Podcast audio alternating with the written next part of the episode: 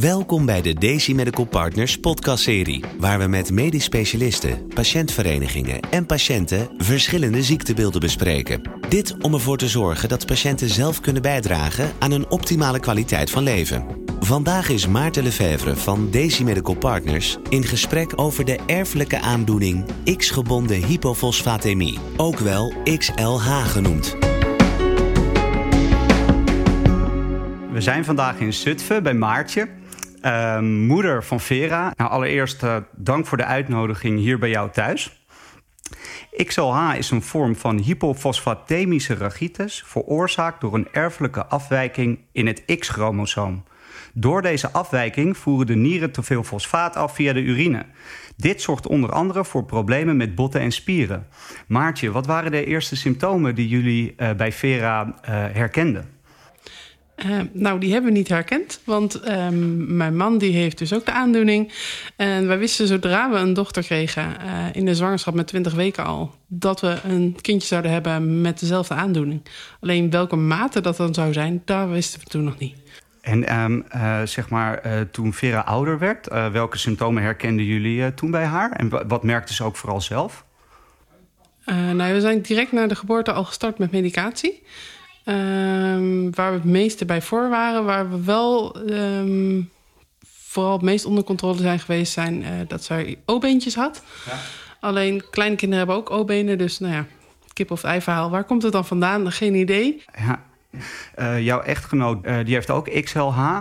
Um, welke symptomen heeft hij uh, ervaren?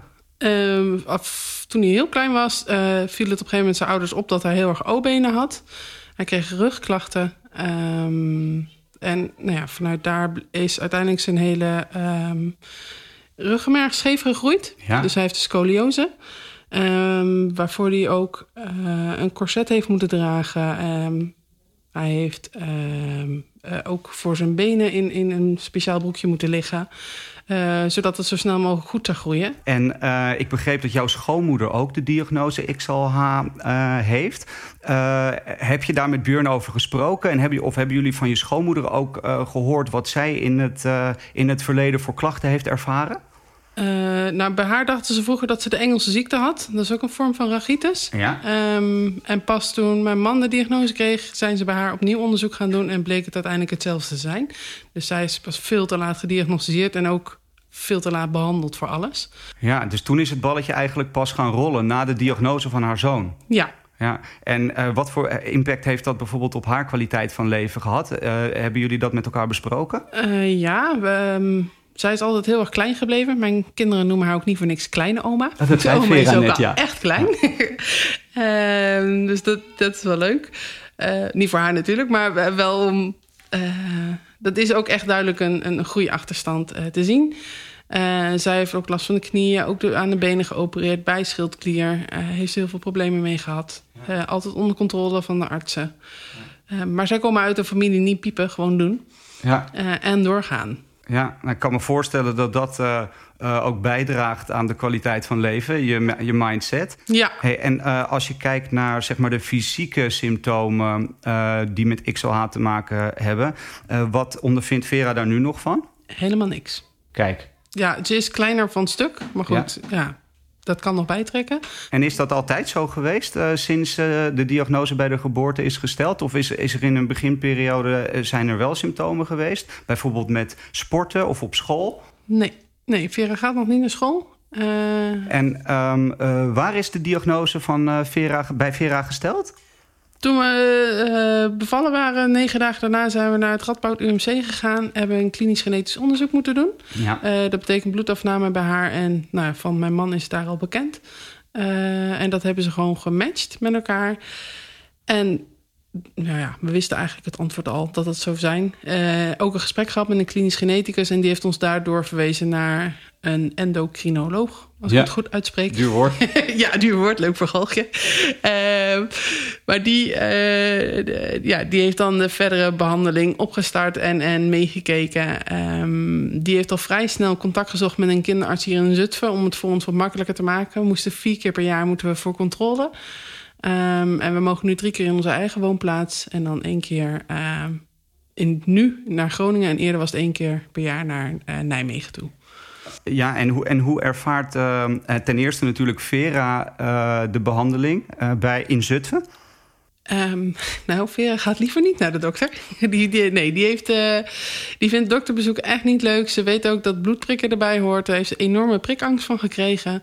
Um, maar ze vindt over het algemeen de dokter wel leuk, want dan mag je spelen. En nou ja, dan praten papa en mama. Maar ze gaat er liever niet naartoe. Nee, nee ja, dat, uh, dat kan ik uh, heel goed begrijpen. En uh, hoe worden jullie, zeg maar, met betrekking tot deze psychosociale klachten... Mm -hmm. want dat is het eigenlijk natuurlijk yeah. voor zo'n kind. Het is best wel heftig om dat mee te maken. Hoe worden jullie daarin begeleid? nou, we hebben een kinderarts die heel erg probeert mee te denken in... Uh, ja, hoe om te gaan met prikangst. Uh, we hoeven niet meer op het lab te prikken, maar we mogen op de kinderafdeling prikken. Uh, er wordt een speciale tijd, een pedagogisch medewerker wordt ingezet. En we hebben nu een behandeling van een psycholoog om de traumatische klachten te verminderen. Ja. Um, en dat heeft wisselend effect. En, en is die behandeling voor de psycholoog um, voor het hele gezin of alleen op Vera gericht? Die is eigenlijk alleen op Vera gericht. Echt puur op het prikken. Van oké, je hebt dus meegemaakt dat je tegen je gezin in bloed werd afgenomen. Um, hoe, hoe, kun je dat dan accepteren en, ja. en dan de volgende keer weer moeten ondergaan... zonder dat je zoveel pijn en narigheid eraan helpt herinneren? Ja, en, en dat, alle begrip daarvoor natuurlijk. Want ja, welk jong kind zou dat bloedprikken de, leuk vinden? Wij als ja. ouderen vinden dat denk ik al met enige regelmaat niet prettig. Ja, zeker. En, en, en hoe ervaren jullie zeg maar, die uh, begeleiding... ook van zo'n psycholoog en van de kinderarts, uh, ook als ouders? Dus uh, vanuit jullie perspectief? Um, ik ben wel heel blij dat we een heel erg meewerkend team hebben. Uh, maar je moet als ouder wel echt bovenop zitten. Als jij ja. me niet goed de signalen aangeeft of niet aangeeft waar ze tegenaan loopt en wat je ziet, dan zullen de artsen het niet vanzelf gaan voorstellen. Nee. Uh, dus dat is wel een tip voor later, voor andere mensen. Alsjeblieft, als het niet goed voelt, luister naar je gevoel, want dat zit goed. Ja, nou, hele goede tip. Dank je wel. En um, als ik het goed begreep, reizen jullie dus ook uh, één keer per jaar naar Groningen. Ja. Uh, voor de meerdere controles ja. zijn jullie in Zutphen. Ja. hoe, hoe gaat die samenwerking? Heb, krijg jij er iets van mee? Die verlopen volgens mij heel prettig. De kinderarts hier heeft direct na het consult dat we hier in Zutphen hebben... Uh, meteen contact met Groningen. Uh, stemmen ze af of de medicatiehoeveelheid nogal voldoende is. Um, of er nog bijgesteld moet worden. En um, ik kan de brieven die uh, Groningen stuurt meelezen... via een elektronisch patiëntendossier. Ja. dus dat is ook heel transparant. Maar ook, ja, het werkt goed samen. Ja. Heel fijn. Ja, heel fijn. Dus dat multidisciplinaire overleg, dat is uh, goed ingeregeld als ik het zo hoor.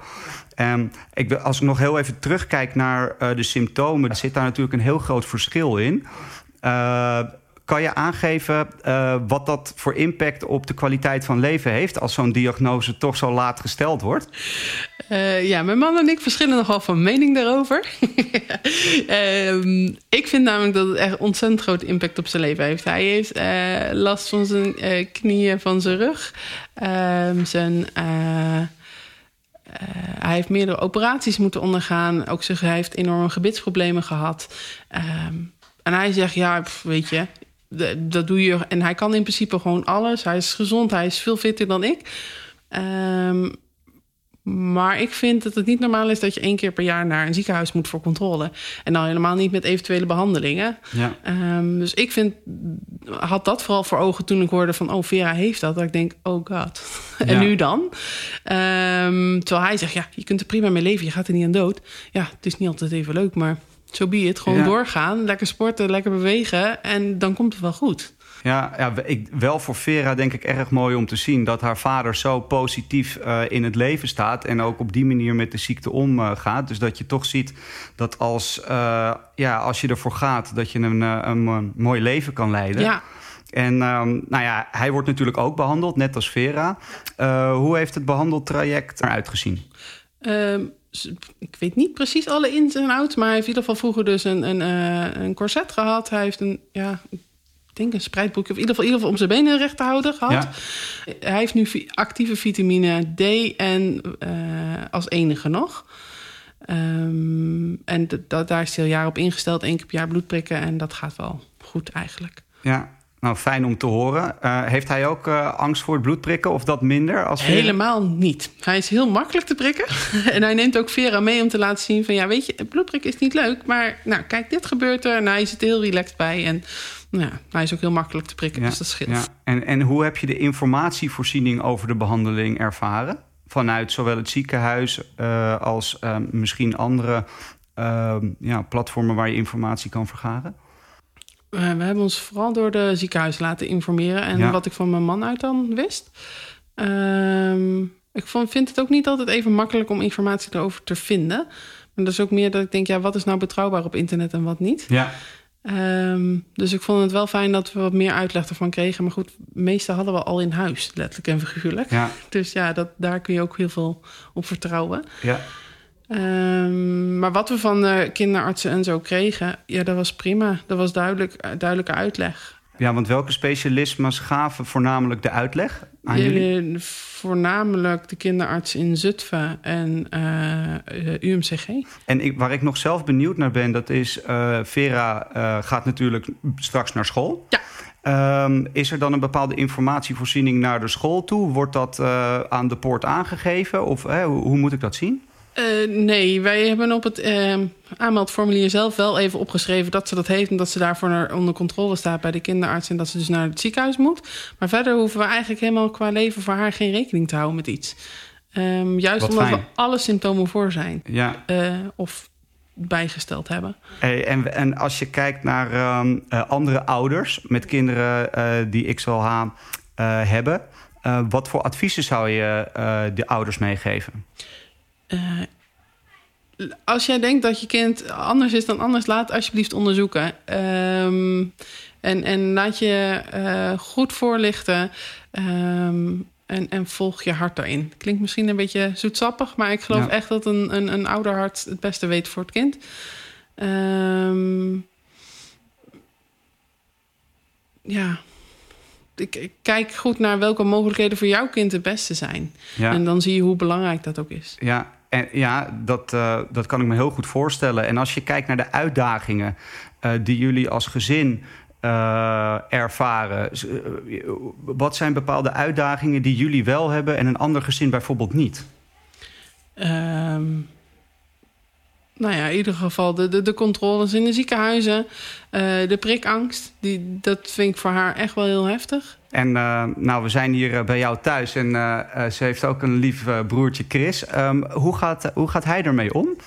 Hij is wel een schatje. Als, Ja? ja, als zij geprikt gaat worden, dan nou ja, wordt ze natuurlijk verdrietig. En dan klimt hij bij haar op schoot, geeft een dikke kus. Soms wat onhandig, waardoor weer een andere traan vloeit. Maar Ja. de, de, de, intentie is echt super lief.